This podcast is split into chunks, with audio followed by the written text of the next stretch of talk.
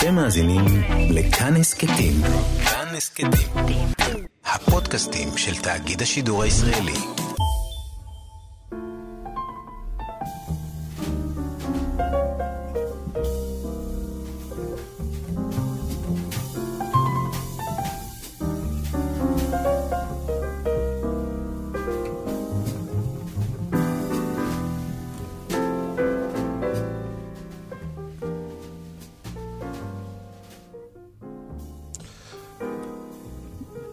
שבת שלום, צהריים טובים. ברוכים היינו התבודדות, כאן ברדיו כאן תרבות, באולפן. ניר אסולין ועמיחי חסון במסענו השבועי. פוסט חנוכה. פוסט חנוכה, פוסט 2019. כן, סוף העשור. האמת לא עשינו כלום לסיכום העשור פה. אני תוהה תמיד על התופעה הזאת של סיכומי עשור. מה אתה חושב על זה? חושב שסיכם לא העשור פעם. הזה היה עשור אה, שראוי לסכם. לא, אבל על עצם העניין אה. הזה של להגיד, אה, כאילו יש משהו תמיד... אה, נאחזים בתאריכים עגולים. נכון, אבל בצורה מוזרה, המון פעמים הם באמת אה, מייצגים את מה שהם מייצגים. כלומר, כשאתה, כלומר? כשאתה מבודד נגיד את שנות ה-60, Mm. מתחילתם עד סופם, אתה באמת מצליח להגיד, אוקיי, הסיקס, זה הסיקסיס. או נגיד, אה, כן, אבל תמיד זה, תמיד יש בזה דווקא גם משהו קצת מלאכותי, כי זה, יש, יש לסיקסטיז יש זנבות כבר בסוף החמישים. ברור, זה אף פעם לא, כן, זה זה לא בדיוק, כאילו- אבל אתה כן כן. יכול להגיד, היה פה איזה תקופה. אני נכון. דווקא מרגיש על העשור האחרון, אם בכל זאת אולי טיפה זה, זה שנקודת ההתחלה שלו ונקודת הסיום שלו היא, היא לא נורמלית, כאילו, מבחינת הפער ביניהם. כן, אני חושב שזה ה... שבוע שעבר פרסמתי ב- בהארץ טקסט גדול בדיוק על זה, כלומר על ה... קראתי לזה סוף עידן הפוליטיקה, ואני חושב שזה ה... זה, זה העשור שבו הפער בין המציאות לבין הפוליטיקה, שהיא תמיד רפלקסיה על המציאות, נהיה כל כך גדול שהפוליטיקה הפסיקה להיות רלוונטית לבני אדם. ומילא היא סיימה את דרכה במובן הזה, כמו שאנחנו מכירים אותה לפחות, כן? במאה ומשהו שנים האחרונות. ולאן היא וה- הולכת במשפט? לא יודע לאן היא הולכת, אבל אני חושב קודם כל צריך להבין שהיא סיימה את דרכה. כלומר, יש משהו ב... בניוון העמוק שלה ובחוסר אה, חיבור בינה לבין המציאות, שאתה מבין שה... כתבתי שם, אני יודע שהאנשים הבאים שירצו לשנות את העולם, לא משנה אם זה משאיפה לכוח או לא משנה מה, כבר לא יגיעו לפוליטיקה, לא נראה עוד, אה, עוד צ'רצ'יל כזה, ב... אני חושב, ב... בפוליטיקה, הם יגיעו למקומות אחרים, למרחבים אחרים, טכנולוגיים אחרים, ששם בעצם מעניין. העולם מתעצב היום. לחשוב על זה ככה. אני חושב שההמחשה הכי טובה לזה זה שאנחנו רואים איך יש שני מושגי היסוד הרי בפילוסופיה, כמו שקאנט הגדיר אותה, של החלל והזמן, שדרכם אנחנו חווים את המציאות. ומדהים לראות איך בעשור הזה גם המושג של הזמן וגם המושג של החלל עברו כזאת טרנספורמציה, שאתה מבין שהחיים הזמן השתנו אני מבין, לגמרי. אבל למה החלל? נוצר חלל אלטרנטיבי, החלל הדיגיטלי, אה, שהחיים, אוקיי. עברו- יש עוד חלל, כלומר כל כן. הטוטליות של מושג החלל התפרקה. יש אין סוף חללים, אין סוף אפשרויות אפשרויות כביכול של. אה, חלל. נכון. אה, וממילא גם כל החוויה האנושית משתנה, ואני חושב שהעשור הזה במובן הזה הוא באמת... אה, כש, כשחשבתי על זה אז נזכרתי בפחד שהיה לפני שנות האלפיים של הבאג אלפיים וכל כן. השינוי שם, אבל אפרופו תאריכים עגולים, תמיד נראה שמאות מתחילות בשנות ה-20 שלהם הרבה יותר מאשר מבשנות האפס מבחינת ה... כן, היכולת. ה- האימפקט, כי יש איזה רפלקסיה. אגב, כשנקרא גם בנימין היום, נראה איך הוא חושב בדיוק אותו דבר על המאה ה-19 בכל מיני צורות. ממש מדבר על הדבר הזה, על המדע ומה שקורה אחרי ההתפתחות המדעית. אז נהיה בפריז, נהיה גם אה, באוקראינה באיזושהי דרך. אבל אה, לפני הכל, מתהומות שנות ה... סוף שנות ה-80, תחילת תחילת שנות ה-תשעים, ה-90, לא? כן, כן. האזורים כן, כן. האלה. אריה? שיר יפה.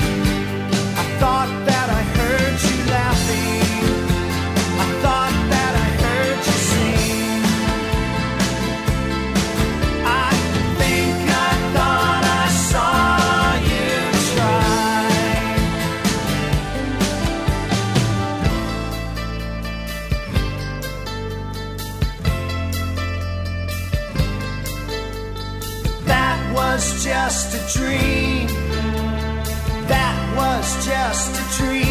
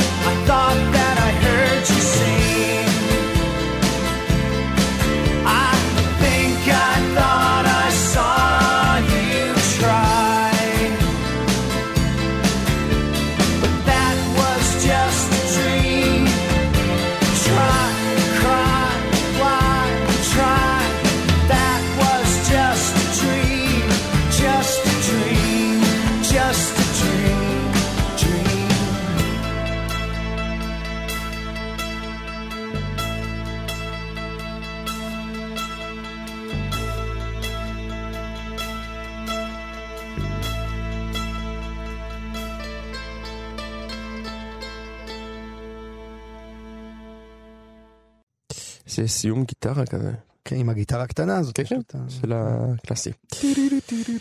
אה, אני רוצה לדבר על איוון דמניוק, אבל אני בעצם רוצה לפני זה לספר סיפור, או אפשר לקרוא על לסיפור דמניוק הזה. או על הסרט על על דמניוק? הסרט על דמניוק, כמובן, הסדרה על לא, דמניוק, ש- סדרה. כמובן, שרצה בנטפליקס. אה, ראיתי, זהו, ראיתי נתון מעניין לפני זה, שנייה, סוגריים.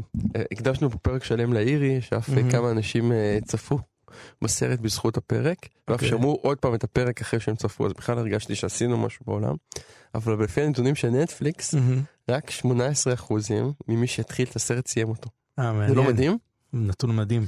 ומה שהכי מדהים זה שזה חושף פשוט המנגנון באופן טוטאלי. כי אם הם, היו רואים את זה בקולנוע, המנגנון? אה, המנגנון של כן, נטפליקס, כן, אם רואים את זה בקולנוע, הם פשוט היו רואים את זה עד הסוף. ברור. וכאילו עצם האפשרות לעצור, היא בעיית ריכוז מאוד מאוד קשה שכולנו מתמודדים איתה.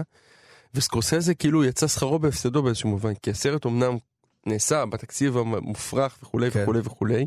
העניין הוא שאנשים לא הגיעו לגמר... אה, הש- השאלה אם זה כאילו אומר משהו לעומק, שסקורסזה, דיברנו על זה קצת, האם זה סרט לטלוויזיה, סרט לקולנוע, אבל כאילו, ה... האם זה בעצם לא אומר על זה שכאילו, נגיד סקורסזה כבמאי מעולם לא נדרש להתמודד עם האפשרות הזאת שאנשים יעצרו אותו נכון. באמצע. ומילא הוא לא מספר את אני מדבר, הסיפור, כן. כאילו, עם הפיקים האלה, נגיד שמי שעושה פרק לטלוויזיה מסחרית עם הפסקות פרסומות, כל הזמן עסוק בהם בדיוק, בקולבים האלה כדי שתשרוד הלאה. או אפילו נרקוס היא דוגמה מדהימה, כי זו סדרה שאתה ממש, הביטים, הנטפליקסים הפנימיים של מתי כן. לעצור אותה ו- ולחמם את הפיצה וזה, היא מאוד, אה, זה. מובנה, זה בלתי. אבל כל זה רגע הערת סוגריים. כן, מעניין. דווקא את, אה, לפי הנתונים, את אה, דמניוק, את המשפט של דמניוק, אנשים ראו עד הסוף את כל חמשת הפרקים. אבל הסיפור עליי ועל דמניוק הולך ככה. אחרי החתונה, אחרי שגרנו איזה שנתיים בדירה במחיר מופרך, חיפשנו מהמם. דרך אה, לגור במקום שלא נצטרך לשלם עליו. מה שכמובן הוא אתגר גדול בירושלים. ואחרי שמיפינו את האפשרויות המאוד מצומצמות, סימנו את ה... בעצם את המשרד של סבא של מרים. סבא של מרים, של אשתי, היה שופט פרופסור מנחם אלון, שופט בית המשפט העליון מ-77 עד 93, היה משנה לבית המש... נשיא לבית המשפט העליון, אה, והיה לו מין אה, לשכה כזאת אה, מתחת לבית ברחביה, שהייתה משרד, ואני חמדתי את uh, המגורים בה. ובאתי לסבתא של מרים, ואמרתי לה, תקראי, סבתא, חשבנו על זה, ויש את הלשכה של סבא uh, למטה, למה שלא נעבור לגור שם? הסתכלה עליי במבט של, היא לא בטוחה מה היא רוצה להגיד, ואז היא אמרה לי, אבל דמניוק שם. אמרתי לה, מה? אמרה לי, כל התיק של דמניוק נמצא בלשכה. אמרתי לה, אה? בקיצור, הוא, זה פסק דין, אה, נקדים אולי את המאוחר, הוא ישב ולמעשה גם כתב את, ה, את פסק הדין בפועל אה, שזיכה את דמניוק בסופו של דבר. אה, והוא לא חש בנוח עד סוף חייו עם ההחלטה הזאת באיזשהו כן. מובן, והוא לקח את, ה, את כל התיק הביתה כדי לנסות להיכנס אליו שוב, לכתוב אליו, ובאמצע הוא נפטר. וככה שבמשך שבוע פיניתי את התיק של דמניוק. חזרה לגנזך המדינה. יפה. וחדר השינה שלנו עד היום, אה, היה אז, מאז עברנו כמה דירות, אה, נקרא חדר השינה של דמניוק, אבל זה דמניוק ואני, ומה שקרה לי בעקבות כל הסיפור הזה, אי אז לפני אה, שש, שש, שבע שנים, הוא היה קצת ניסיון לצלול לפרשה הזאת, כי נורא סקרן אותי מה, מה קרה ומה העסיק אותו, זה גם פרשה שבאמת נדחקה ל... יש טקסטים אגב שהוא כתב עליו? הוא התחיל לכתוב משהו? כן, הוא התחיל כן. לכתוב טיוטות, אבל הם לא, לא ברמה שאפשר לפרסם אותם. הוא כן אחראי בעיניי, הפסק דין כולל הסיומת הסוגרת שהוא יצא בפניהם זכאי, אבל אה, הם בסך הכל שופטי בשר ודם והשלימות, כן. זה משפטים שהוא כתב, אה, והם בעיניי נורא נורא חזקים, ויש שם איזשהו משהו מהמורשת שלו, אבל הפרשה הזאת ממש נדחקה מהישראליות. אה, כן. זה, זה כאילו קצת מדהים, וזה מה שהסדרה בעצם מראה לנו כמה היא הייתה נוכחת בזמן אמת. וכמה בגלל הסיום הרע שלה, או הסיום הלא מספק שלה, האנטי-קליימקס, האנטי-קליימקס, אנחנו לא זוכרים את זה, אנחנו זוכרים את אייכמן. כן. גם מי שלא היה שם יכול לראות את עצמו כמי שהיה באייכמן. ומשפט דמניוק ששודר בטלוויזיה הישראלית, בשידור חי, משפט. אה, משפט שהועבר לבנייני אומה כדי לאפשר לכמה שיותר אנשים לצפות כן. בו, משפט שהעולם כולו סיקר, מהדורות באמריקה, באירופה. הפך להיות מין איזה אה, סרח עודף, והסדרה, כשאתה רואה אותה, היא מבוימת מאוד מאוד טוב בעיניי, וערוכה ומאוד חכמה, ועוד רגע אני אנסה קצת אה, לפרק את זה, בעצם מסבירה למה. ואני חושב שהמראה שהיא מציבה אל מולנו, אל מול הישראליות והיחס שלה לשואה, הוא מאוד מאוד מורכב, והוא דורש איזושהי התייחסות שנוח לפתור אותה, ודווקא בא לי אה, לא לפתור אותה בכזאת קלות. אוקיי, okay. תגיד כמה מילים על המורכבות. כן, בוא נתחיל רגע בהחלטה, לדעתי האינטליגנטית ביותר שהם לקחו כיוצרי סדרה, הם, אה, צריך להגיד הסדרה היא באנגלית. כן. כלומר, רגע, יוצרים ישראלים, יוצרים ישראלים, דני אה, בלוך ו... כן. וואו. אני לא זוכר את השם, אבל אנחנו מיד נשחזר אותו נדב. הבחירה העקרונית שלהם הייתה לספר סיפור שבו זה יכול לקרות לכל אחד, לשתי הכיוונים. כל אחד יכול לגלות בבוקר, כל אחד אמריקאי כמובן, כן? כל אחד אמריקאי יכול לגלות בבוקר שהשכן הטוב והנחמד שלו ממול הוא נאצי לשעבר, וכל אחד יכול לגלות שהוא בעצמו מואשם להיות אה, נאצי לשעבר על לא עוול בכפו. מין אה, נקודת מוצא אה, אה, מאוד מאוד אה, אה פשוטה, אה, כן, נתקן, מי שביימו זה דניאל סיוון ויוסי בלוך כמובן. אה, אני חושב שנקודת המוצא הזאת של הכל אחד, היא נקודה מאוד מאוד חכמה לצאת איתה לסרט. כן. כיוון שאתה באמת לא יודע, למרות שיש uh, הכוונות מלכתחילה, לאן הדברים האלה יכולים לקחת, ובמובן מסוים זו גם נקודת התורפה של התפיסה הישראלית של הסיפור. כיוון ש... איך נגיד את זה? שאלת המוטיבציה שאנחנו דנים בה המון פעמים, היא במק... לפחות כפי שהיא משתקפת בתוך המשפט, היא מאוד מאוד קריטית. למה המשפט הזה נעשה בכלל? האם באמת הרצון היה להעניש פושע מלחמה נאצי? כן. גם, זאת אומרת, זה גם אחד הסיבות, אבל אחד הדברים שממש עוטפים את כל הסדרה היא ההבנה שיש פה איזה רצון מאוד לחנך. הדור שלא ידע את השואה, ההזדמנות האחרונה mm-hmm. לתת לניצולי השואה... לראות נאצי. לראות נאצי חי, אבל יותר מזה, לתת לניצולים למסור את עדותם בפריים כן. טיים טלוויזיוני. האפשרות להתעסק בנושא הזה שכאילו אה, קצת נשכח מאחור במהלך השנים. Mm-hmm. וזה גם מתחבר, אני חושב, לאיזשהו גל, זה אותם שנים של פוליקר ו... אמ, יעקב גלעד. ויעקב גלעד, של חום יולי אוגוסט של אה, אה, שלמה ארצי, כלומר אה, אה, יש התעסקות, זה, זה איזשהו גל אה, חדש של התעסקות בשואה, ובסופו של דבר, זה, זה כמעט לא נעים להודות בזה, אבל יור, יורם אה, שפטל. שפטל, כן, אלוהים שישמור עליי. אה, באיזשהו מקום הוא צודק, עם כל דמותו המקוממת, הביזארית, אין, אין לי הגדרה אחרת. היה פה איזה אלמנטים של ראווה.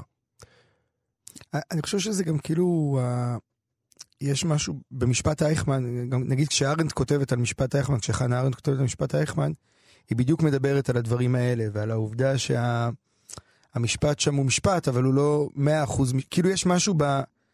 נגיד משפט אייכמן בשנות ה-80, כשמתרחש משפט דמניוק, היה כנראה משפט אחר לגמרי ממה שהוא היה כשהוא היה בשנות ה-60. יש בדיוק את ההתבגרות של המדינה, זה ממש הפיק של שנות ה-80, שזה כאילו המדינה, זה השנים של הישראליות, של הרצון באמת להיות אה, ליברליים, עם ככל העמים, מחויבים מבחינה משפטית וכולי וכולי. ואז כאילו יש את התחושה הזאת שהסיפור של דמניוק ממש כאילו מתרסק על השאיפה להיות מדינה, מדינת חוק נורמטיבית. שזה כאילו הטרגדיה. בסוף, גם בסיום, במשפטים האלה, נגיד, שמנחם אלון כותב בסוף, שהפסק דין שם אומר בסוף, זה בעצם לבוא ולהגיד, אנחנו לא יכולים לספק את, ה, את הצורך של הסיפור היהודי הגדול, המיתולוגי. אנחנו, כאילו, אנחנו רק כן. בני אדם, אנחנו רק עובדים לפי כללים של ראיות ומעל ספק סביר וכו' וכו'. וההתרסקות הזו, היא אני חושב מה שגרם ל, לישראלים באמת להדחיק את המשפט הזה.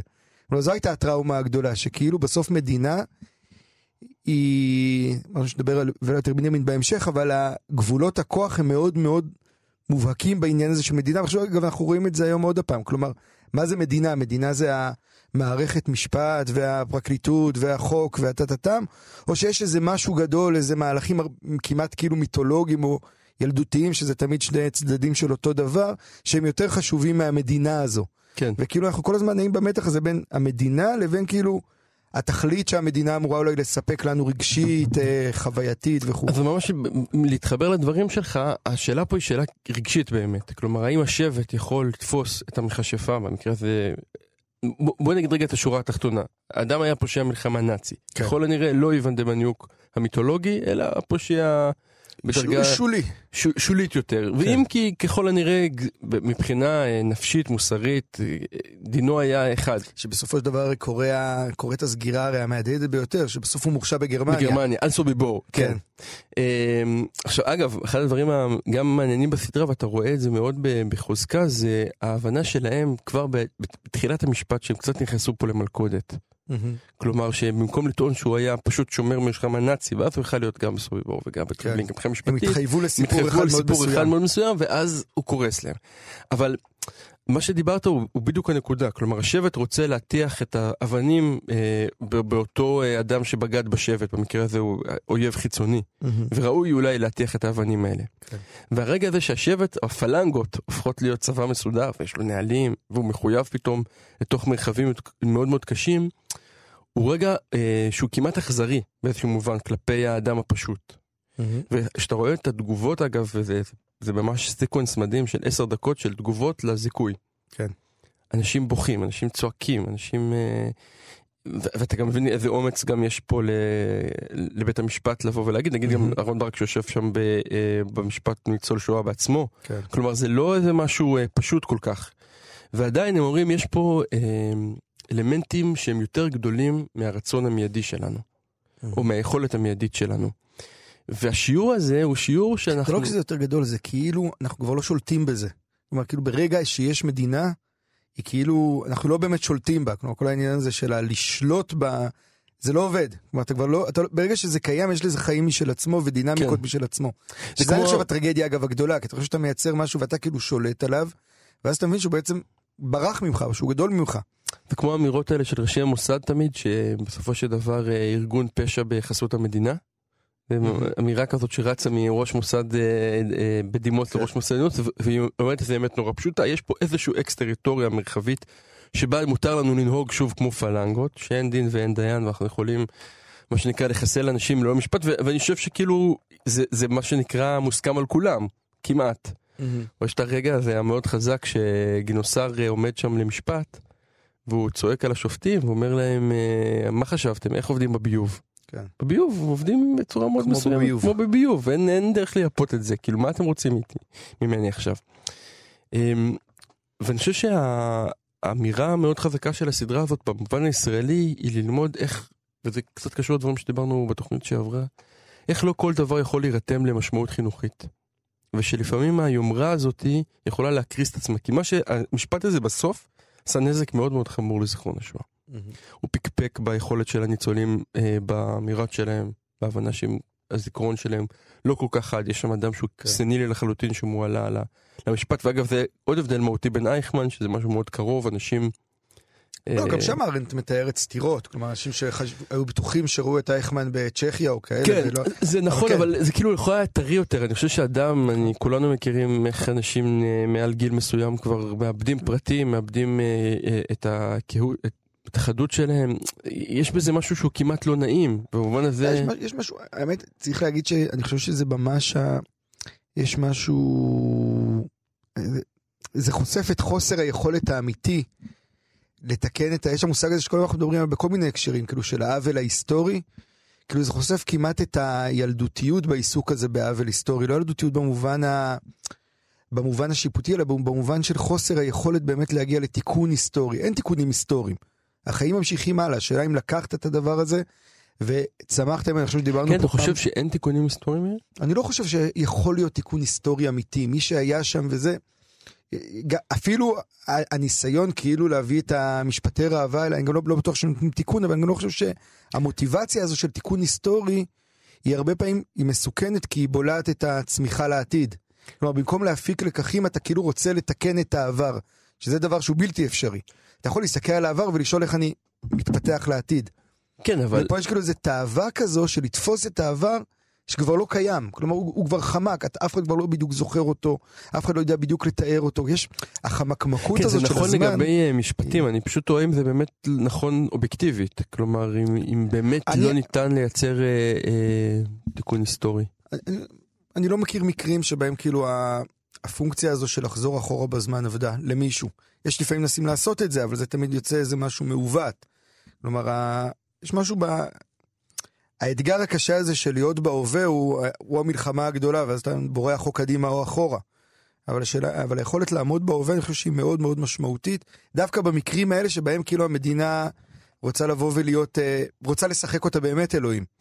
ואז מסתבר שהיא, אין לה את היכולת לעשות כן. את זה, כי היא לא. כאילו אלוהים. רק הערה אחרונה לפני שנצא לפוליקר, שרק נגיד, כל המשפט כמובן אה, נע סביב טרבלינקה, אה, הכי מעט ניצולים, או מעטי הניצולים שמחנה השמדה העצום הזה, אני חושב ששרדו 300 ומשהו, אה, ובזמן המשפט היה שם 72 אה, ניצולים בלבד מטרבלינקה, זה דבר נתון בלתי נתפס כמעט. אמ, ה- הסדרה בגלל שהיא בינלאומית, בגלל שהיא באנגלית, בגלל שהיא לנטפליקס, יש לה חוץ מהמסרים הפנים ישראלים, אגב נורא מעניין איך הדמות של אה, שפטל עוברת לצופה לא ישראלי, נראה לי שאין דרך אפילו לתפוס את הפרסונה הזאת. אמ, הבטם ליין שהסדרה נגמרת איתו הוא- מאוד מאוד חזק דווקא לאמריקאים. כי זה נגמר באמירה של היו נאצים רעים, היו נאצים טובים, הם כולם באו להשתקע בארצות הברית, בעולם המערבי, בכל מיני מקומות. היו כאלה שהם נורא נורא עזרו לנו לפתח פצצות אטום, אה, לייצר כל מיני, אנחנו הסכמנו לסלוח להם, כי בסוף הם, אה, הם אנחנו את הפצצות אופורטוניסטים. אטום היהודים פיתחו. כן, לא, אה, לא משנה, כן, יש כן, שם איזה, אה, לא זוכר בדיוק את את יש, ה... אבל יש, ברור. יש את ה... הרי הדוגמה הכי קלאסית שזה בהקשר האמריקאי זה אלברט שפר, שהיה שר התשתיות הנאצי, ואחרי שהוא השתחרר, הוא הושפט בנירנברג והשתחרר, ואז הוא נהיה סלב, לא הייתה פתיחה בהוליווד שהוא לא הופיע בה עם הטוקסידו וה... ויש נאצים רעים, כן. ולזכור כמה גם אנחנו בסוף אה, מאוד מאוד אופורטוניסטים, אנחנו כמדינה, כל לא מדינה. יודע, אופורטוניסטים מאוד. אני חושב שהניסיון למסגר דברים באופן הרמטי, כמו שאמרת אגב, גם במעלה, ברעיון של התביעה, וגם בחיים בכלל, הוא תמיד מועד לכישלון, כי החיים הרבה יותר דינמיים מהאשליה של ה framing שאנחנו מחזיקים בראש. פוליקר. פוליקר.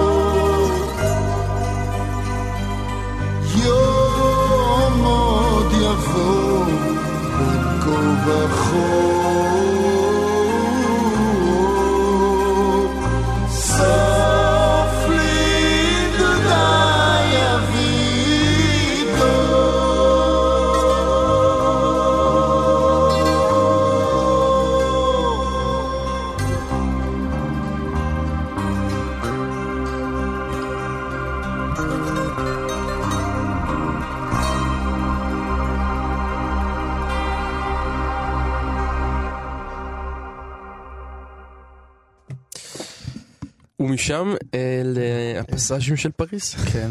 זה גם אגב אה, שואה, גרמניה. הכל לא, בסוף נשארים ב- מגיע לשואה וגרמניה. כן? לא. אני רוצה, אני, אקדים רגע, כי אני אגיד שלפני כמה, לפני חודש, מתי זה יצא? לפני כן, לא מעט. זמן, לא הרבה זמן, יצא אחד הספרים הכי מעניינים לדעתי שיצאו בזמן האחרון. והוא אינו והוא- ספר חדש. הוא לא, הוא לא ספר חדש, אני עוד אגיד עליו, רצ, רק רציתי להגיד שמעבר לזה שהוא מעניין, לפחות עבורי, הוא קודם כל מרגש. כלומר, העובדה הזאת שהוא יוצא, יצאו, נגיד זה פרויקט הפסאז'ים, שזה פרויקט של אה, ולטר בנימין, התיאורטיקן היהודי-גרמני, אה, שהתאבד ב-1940. וזה יצא, זה ספר שיצא הרבה אחרי מותו, יצא לקראת סוף שנות ה-70, אני חושב. וזה ספר שהוא הוא כל, הוא באמת, אני, בערך- אני חושב שהוא באמת, הוא מרגש, במובן הכי עמוק של מרגש, כי הוא עסוק כל הזמן ב... גם לתפוס את רוח הזמן שבו הוא מתקיים, זה מה שוולטר בנימין מנסה לעשות, וגם אה, הוא מגדיר כל מיני דברים לגבי עצמו.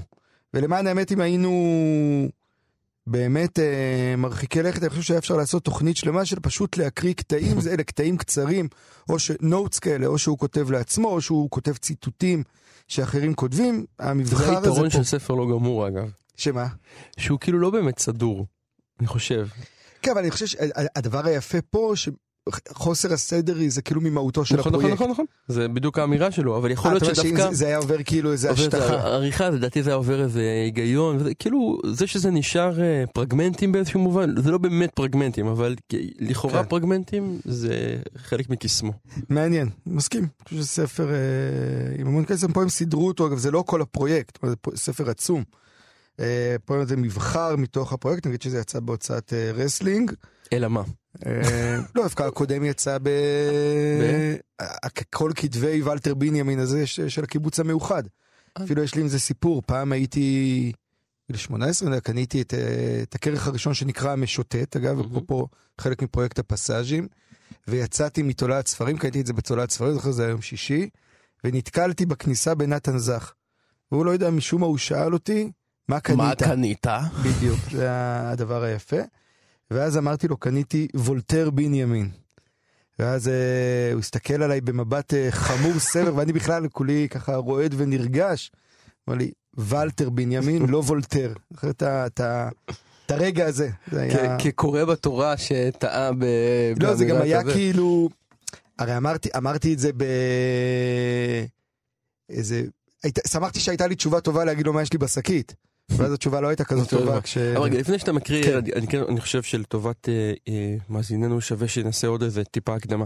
מה. הם בכלל הפסאז'ים של פרסונות? אנחנו אומרים את זה ככה במין אה, הפסאז'ים של מה זה לעזאזל? הפסאז'ים זה ה... אה, זה לא פסאז' אלנבי, כן?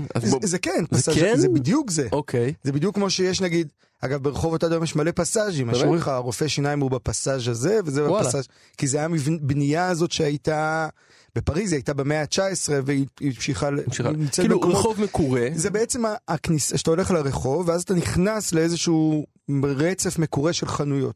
ממש הקניון של המאה ה-19. כן, כאילו, אותו מרחב שבו דווקא פעם ראשונה אגב הוא נדרש, נגיד דברים שהיום, היום הרי קניונים במצב קשה, הזמן כותבים על זה ומדברים. והניתוחים שלא נגיד את המהות של מה זה פסאז' ומה זה קניון ואיך אתה מייצר את החוויה הזו שהיא מקורה, שהיא בנויה על זה אגב, שאתה הולך ואתה לא יושב, כל מיני דברים מהסוג הזה, זה בדיוק אותו דבר, כלומר ממש מגדיר את זה, אולי נקריא כמה... כאילו זה יותר דומה, אני רק. מבחינת ה... זה, זה יותר דומה נגיד לשרונה מרקט, לשרונה מרקט, מאשר לקניון, לקניון איילון, סתם לא, זה, אני, אני, בהגדרה. אני חושב שבמובן מסוים זה מאוד דומה למשל לדיזינגוף סנטר. הדיזינגוף אוקיי. סנטר ברעיון שלו הוא בעצם פסאז' מורחב הרבה יותר מקניון. בגלל זה הוא גם מסובך וזה כל מיני אתה כאילו רחובות. נכנס מהרחוב, עיר מקורה עיר כזו. מקורה, אה, עולם אה, פלאים. ו- עכשיו מבחינת בנימין זה לא רק הפסאז' עצמו, הפסאז' בעצם מש, מסמל, הוא מדבר על המאה ה-19. והפסאז' במאה ה-19 אצלו מסמל בעצם שינוי עמוק בכל החשיבה, אנחנו צריכים לזכור שהזכרתי את הטקסט הזה שפרסמתי שבוע שעבר על זה, ושם אני כותב שאנחנו, אפרופו שואה גם, אנחנו הרבה פעמים אוהבים להגיד שהזמן שלנו דומה לשנות ה-20 של המאה ה-20, אבל בעצם אנחנו הרבה יותר דומים לשנות ה-20 של המאה ה-19. שזה בדיוק הרגע רגע הזה, ואני אקריא את זה משהו שבנימין כותב על זה, זה הרגע הזה שבו הקדמה הטכנולוגית מתחילה לחלחל למציאות, כלומר יש את המהפכה התעשייתית, כבר יש רכבות בכל מיני מקומות, זה מתחיל לחלחל לעולם, ואז בני אדם מתחילים כאילו, התודעה שלהם מתחילה לעבור שינוי. כלומר, השינ... התודעה שלהם מתחילה להגיב לשינוי המדעי, הטכנולוגי וכולי. והקפיטליסטי. ואז, ואז נוצרים רעיונות כמו קפיטליזם, כמו מרקס, כמו לאומיות, כמו מות האלוהים של ניטשה, כלומר כל הדברים האלה זה בעצם איזושהי תשובה לריק מאוד מאוד גדול של מצד אחד שיטה פוליטית של אה, נסיכים ומשפחות אצולה שכבר מנוונת ולא עובדת ולא עונה לצורך של האזרח ולתודעה שלו, ומצד שני עוד אין שיטה אחרת. כלומר נוצר איזשהו פער שבדיוק מבחינת ולטר בנימין, אני חושב, הפסאז'ים מסמנים את הרגע הזה שבו מתהווים רעיונות חדשים, ומתהווה מציאות חדשה, והסתכלות על המציאות אגב, דיברנו על העשור הזה, אני חושב שהעשור הזה הוא בדיוק הסוף של אותו תהליך שבנימין מתאר אז, התחיל אז, עם הפסאז'ים, עם הרעיון הזה של קניות באמת, של קפיטליזם, של פרסום, הוא כותב פה על פרסום לראשונה. כן. דברים אתה מאוד יכול מאוד להגיד מעניינים. מילה רגע על אה, פריז של אותה תקופה? כאילו, אל מול נגיד, אה, בנימין לא סתם מגיע לפריז, זאת אומרת, זה- זה יכול להיות... אז, אז כשבנימין מגיע לפריז הוא כבר כאילו חוקר משהו, הוא כבר חוקר משהו שכבר מבחינתו, הוא כבר לא הדבר הכי חדש. כלומר, כי הוא מגיע לפריז בשנות ה-30, הוא מתחיל לכתוב על זה. הוא כותב גם על ברלין אגב באותה צורה, אבל כן, בעיקר אבל על ברלין היא פריז. בית. נכון, נכון, נכון, בעיקר על פריז במובן הזה של הפסאז'ים. הפסאז'ים מבחינתו זה כבר משהו שהיה ונגמר, הוא מנסה לתפוס את רוח התקופה הזו של המאה ה-19, שבאמת, אגב, שוב אומר, אפרופו הזמן שאנחנו חיים היום, זו הייתה תקופה מדהימה שבה כאילו קרו באמת דברים חדשים, כלומר שזה זה נדיר, אני חושב שזה קורה אחת להרבה זמן, והוא מנסה לתפוס את הרגעים האלה שבהם התודעה משתנה, המציאות משתנה ומתחוללת, ופריז במובן הזה היא ודאי המקום שבו המציאות מבעבעת. הרבה יותר מבכל מקום אחר. אה, ומזה הוא מוקסם, כלומר הוא, אומר- הוא, הוא ממש מתהלך ברחובות, הוא מדבר על המשוטט, אגב זה אפרופו הדבר שאתה אוהב לדבר עליו הרבה, אפרופו הזמן שלנו שהשתנה שכבר אין שיטוט, כלומר אין את הפונקציה הזו שפשוט כן, ללכת לאבד. לאיבוד ברחוב ולשקוע פנימה, אולי באמת אני אתחיל בלקרוא יאללה, איזה מותר. משהו קטן על, ה, על המשוטט, ואחר כך, אה. אחר כך נקרא על דברים אה, נוספים, סימנתי לי, כן, כי המשוטט אולי זה הדבר היפה. אולם הזיכרונות הגדולים, הצמרמורות ההיסטוריות, אלה זוטות שאין לו למשוטט חפץ בהן. הוא משאיר אותן לנוסע התייר שמאמין שסיסמה צבאית כלשהי תיתן לו גישה לרוח המקום. ליד... לידידנו מותר לשתוק. לקראת צעדיו המתקרבים מתעורר המקום ללא מילים, ללא רוח, בעצם קרבתו האינטימית, ונותן לו רמזים והנחיות.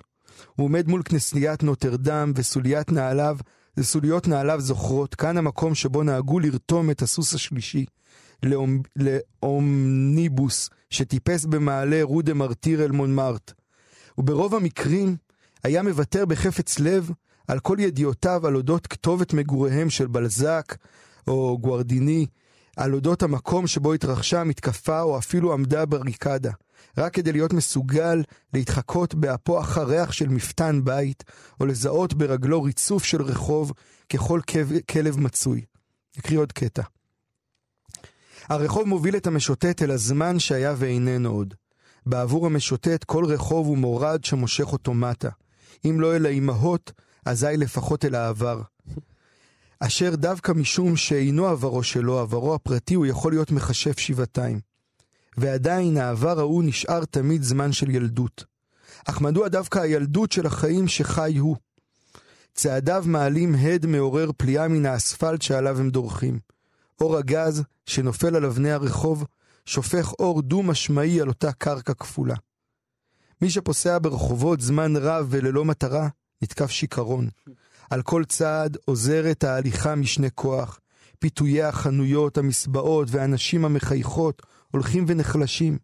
ואילו פינת הרחוב הבאה, שפעה צמחייה רחוקה, שם של רחוב מושכים אותו בעוצמה הולכת וגוברת. אז בא הרעב. הוא אינו רוצה לדעת דבר וחצי דבר על מאות האפשרויות שמוצעות לו כדי להשביע את הרעב הזה.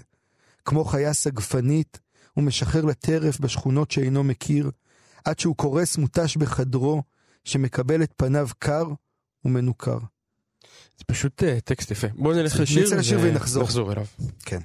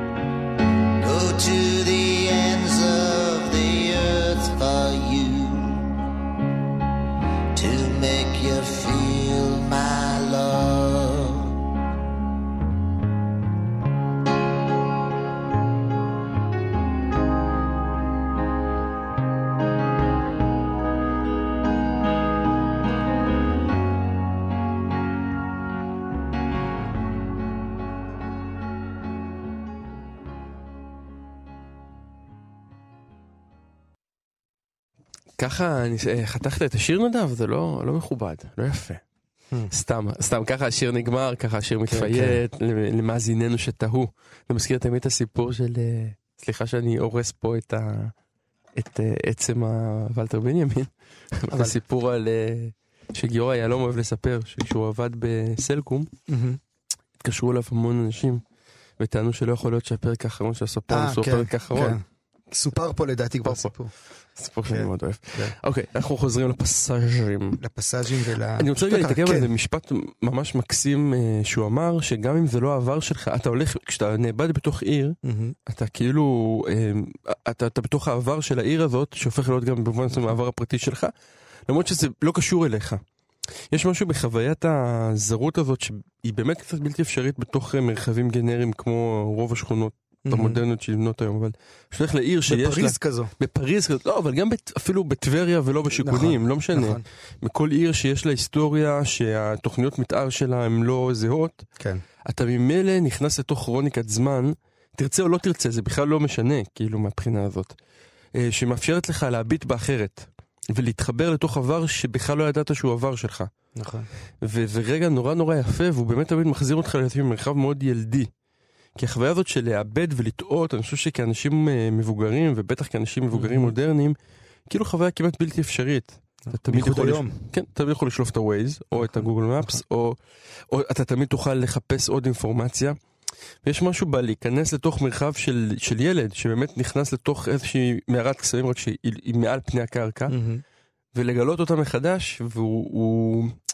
כאילו זה משהו כמעט מדיטטיבי שצריך לעשות אותו יותר. אגב, בקיצור. גם הדבר המעניין זה שיש תמיד את השיחה הזאת על בנימין היה מחובר ליהדות שלו, לא מחובר ליהדות, כל כן. הדיאלוג שלו עם שולם וכולי. ולדעתי תודעת המשוטט היא ממש, היא תודעה יהודית פר אקסלנס. כלומר, בדיוק הדבר הזה שדיברת עליו, ה- להתנהל בסימן שאלה ולא סימן קריאה, מה שקראנו שבוע שעבר מרוזנצוויג, זה בדיוק זה. כלומר, היכולת ללכת לאיבוד. שהיא אחד הדברים הכי קשים, אגב, מבחינת פסיכו- פסיכואנליטית, היא אחד. הדברים הכי קשים שיש. לשחרר. אה, אני רוצה להקריא עוד אה, משהו מהפסאז'ים מפרק אחר שמתעסק ב... שמתעסק בעצם ב... בזמן, או אני חושב שהכותרת שלו היא תורת ההכרה, תורת הקדמה. ומתחבר למה שדיברנו קודם על הרגעים האלה של המאה ה-19, שאולי גם באמת מתחוללים היום, של ה... שבו הזמנים משתנים והתודעה משתנה, והוא כותב ככה. זה אגב מדהים לראות איך הוא, איך הוא באמת לוחת את הדברים. הקדמה המדעית כמו הקדמה ההיסטורית היא תמיד רק הצעד הראשון. אף פעם לא השני, השלישי או ה-N פלוס אחד. בהנחה שאלה האחרונים אינם שייכים רק לחרושת המדע, אלא גם לקורפוס שלו. אבל לאמיתו של דבר אין זה המצב, שכן כל שלב בתהליך הדיאלקטי עד כמה שהוא מותנה, תמיד בשלבים שלפניו, תמיד מגשים מפנה חדש מהותית, שדורש טיפול חדש מהותית. השיטה הדיאלקטית מתאפיינת אפוא בעובדה שבהובילה אל אובייקטים חדשים היא מפתחת שיטות חדשות. בדיוק כשם שהצורה באומנות מתאפיינת בכך שבהובילה אל, אל תכנים חדשים היא מפתחת צורות חדשות. רק מבחוץ יש ליצירת אומנות צורה אחת ויחידה, ולחיבור דיאלקטי מתודה אחת ויחידה. אני עוד אקריא עוד איזה שני קטעים כאלה ואז נגיד על זה משהו. הגדרות של מושגי, מושגי יסוד היסטוריים קטסטרופה, החמצת ההזדמנות. רגע קריטי, הסטטוס קוו מאיים להימ- להימשך. קדמה, הצעד הראשון שנוקט את המהפכה. הפיצוץ החוצה של, אובי... של אובייקט ההיסטוריה מתוך רצף מהלך ההיסטוריה מתחייב מן המבנה המונדולוגי שלו. המבנה הזה מתגלה לראשונה באובייקט שפוצץ החוצה, וזאת בדמות העימות ההיסטורי שמהווה את הפנים של האובייקט ההיסטורי, פנים שלתוכו נדחסים כל הכוחות והאינטרסים ההיסטוריים בקנה מידה מוקטן. מכוח אותו מבנה מונדולוגי מיוצג, מיוצגות בתוך האובייקט ההיסטורי, ההיסטוריה שלפניו וההיסטוריה שלאחריו. כך למשל ההיסטוריה שלפני בודלר, כפי שהיא מוצגת במחקר העכשווי, באלגוריה, וההיסטוריה שאחריו ביונגנשטיל. זה בסוגריים. אני רוצה להגיד על, ה... על ההבנה הזאת, שהוא, אני חושב, זה בדיוק ההבנה הזאת של הפסאז'ים, שהיא, אני חושב שהיא חזקה של הפרויקט הזה של הפסאז'ים, כן, או של המבנה הזה של הפסאז' בהכרח. וזה מה שהוא אומר פה, אה, השיטה הדיאלקטית מתאפיינת לפי בעובדה שבהובילה אל אובייקטים חדשים מפתחת שיטות חדשות. ואני חושב שההבנה הזו שכאילו כדי להגיע לדבר החדש, אתה צריך גם לפתח באמת נקודת מבט חדשה, או שיטה חדשה, או צורה חדשה, היא כאילו הבנה שאנחנו נוטים לשכוח אותה, כי אנחנו תמיד ממחזרים את עצמנו. כאילו הקפיצות האלה, יכולת לעשות את הקפיצות, היא בעיניי דבר שהוא הוא קריטי בזמנים משתנים, הוא קריטי בזמן שלנו, אבל הוא ממש תופס את זה, כאילו ממש תופס את השור בקרניו, עכשיו במובן הזה, שזה מאוד מאוד יפה. אולי אני אקריא עוד איזה קטע שני, לסיום, שני קטעים. שני קטעים לסיום. רק צופה חסר מחשבה יוכל להכחיש שישנן הקבלות בין עולם הטכנולוגיה המודרנית ובין עולם הסמלים הארכאי של המיתולוגיה. מובן שבהתחלה החידוש הטכנולוגי נתפס אך ורק ככזה, אבל כבר בזיכרון הילדות הבא, תוויו משתנים. כל ילדות מגשימה בעבור האנושות משהו גדול, חסר תחליף. כל ילדות בהתעניינותה בתופעות הטכנולוגיות, בסקרנותה כלפי כל סוגי ההמצאות והמכונות, קושרת את הישגי הטכנולוגיה לעולמות הסמלים הישנים. בתחומו של הטבע אין דבר שמראש לא יוכל לחול עליו קשר כזה. אלא שהוא אינו מתהווה בהילת החידוש, אלא בהילת ההרגל, בזיכרון, בילדות, בחלום. אה, קריאות אחד אחרון? עונג שבת. זה באמת עונג, האמת זה באמת עונג הספר הזה, באמת ספר נהדר. אין לומר שהעבר שופך אור על ההווה, או שההווה שופך אור על העבר, אלא שתמונה היא הדבר שבו מה שהיה מתלכד בהבזק עם העכשיו לכדי מערך כלשהו. במילים אחרות, תמונה היא דיאלקטיקה שעומדת דום. כי בעוד שהיחס של ההווה לעבר הוא לגמרי זמני והמשכי, היחס של מה שהיה לעכשיו הוא דיאלקטי. לא מהלך, אלא תמונה שצצה לפתע פתאום. רק תמונות דיאלקטיות הן תמונות אותנטיות, כלומר לא ארכאיות, והמקום שבו פוגשים בהן הוא השפה. יפה. כן, אז נאחל שבת של שוטטות. אה, לחלוטין. בכל מקום אה, שהם. נמליץ על בתקווה ש- הספר הזה ב- בכל לב. לב, ושמזג האוויר אה, גם יאפשר לכם אה, לממש לפחות חלק מהתובנות. כן. זה מה שיפה, ויש פה איזה אפשרות למימוש, לא רק לקריאה. אני, חושב גם שהמימוש פה הוא, גם כשאתה על הספה בסלון ויורד גשם בחוץ, אתה יכול לממש את הדבר הזה. בעצם קריאה ל...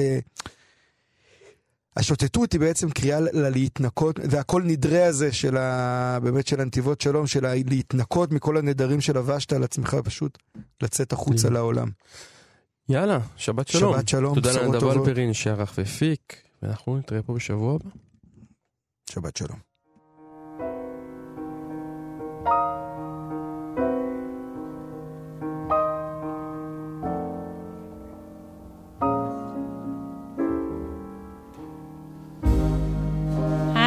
gonna love you like nobody's loved you.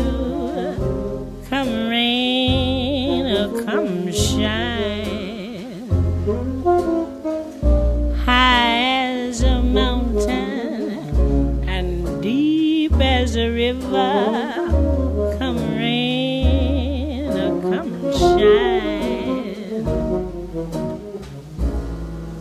I guess when you met me, it was just one of those things. But don't ever bet me, cause I'm gonna be true if you let me. You're gonna love me like nobody's loved me. Come rain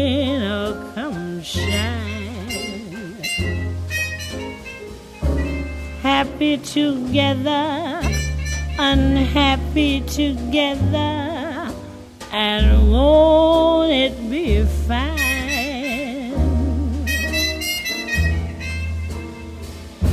Days may be cloudy or sunny. We're in or we're out of the money. But I'm with you always.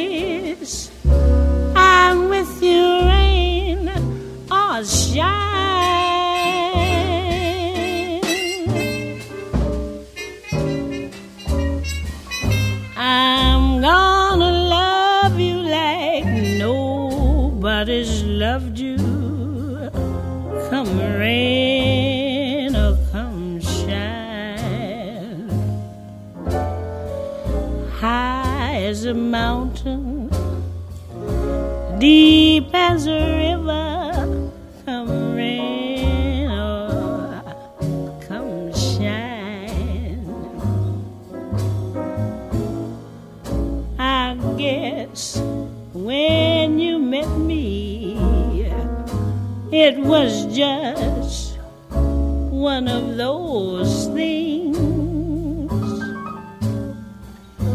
But don't ever bet me, cause I'm gonna be true if you let me. You're gonna love me like nobody's loved me. Come rain or come shine. Happy together, unhappy together, and won't it be fine? Days may be cloudy or sunny. We're in or we're out of the money. But I'll love you always.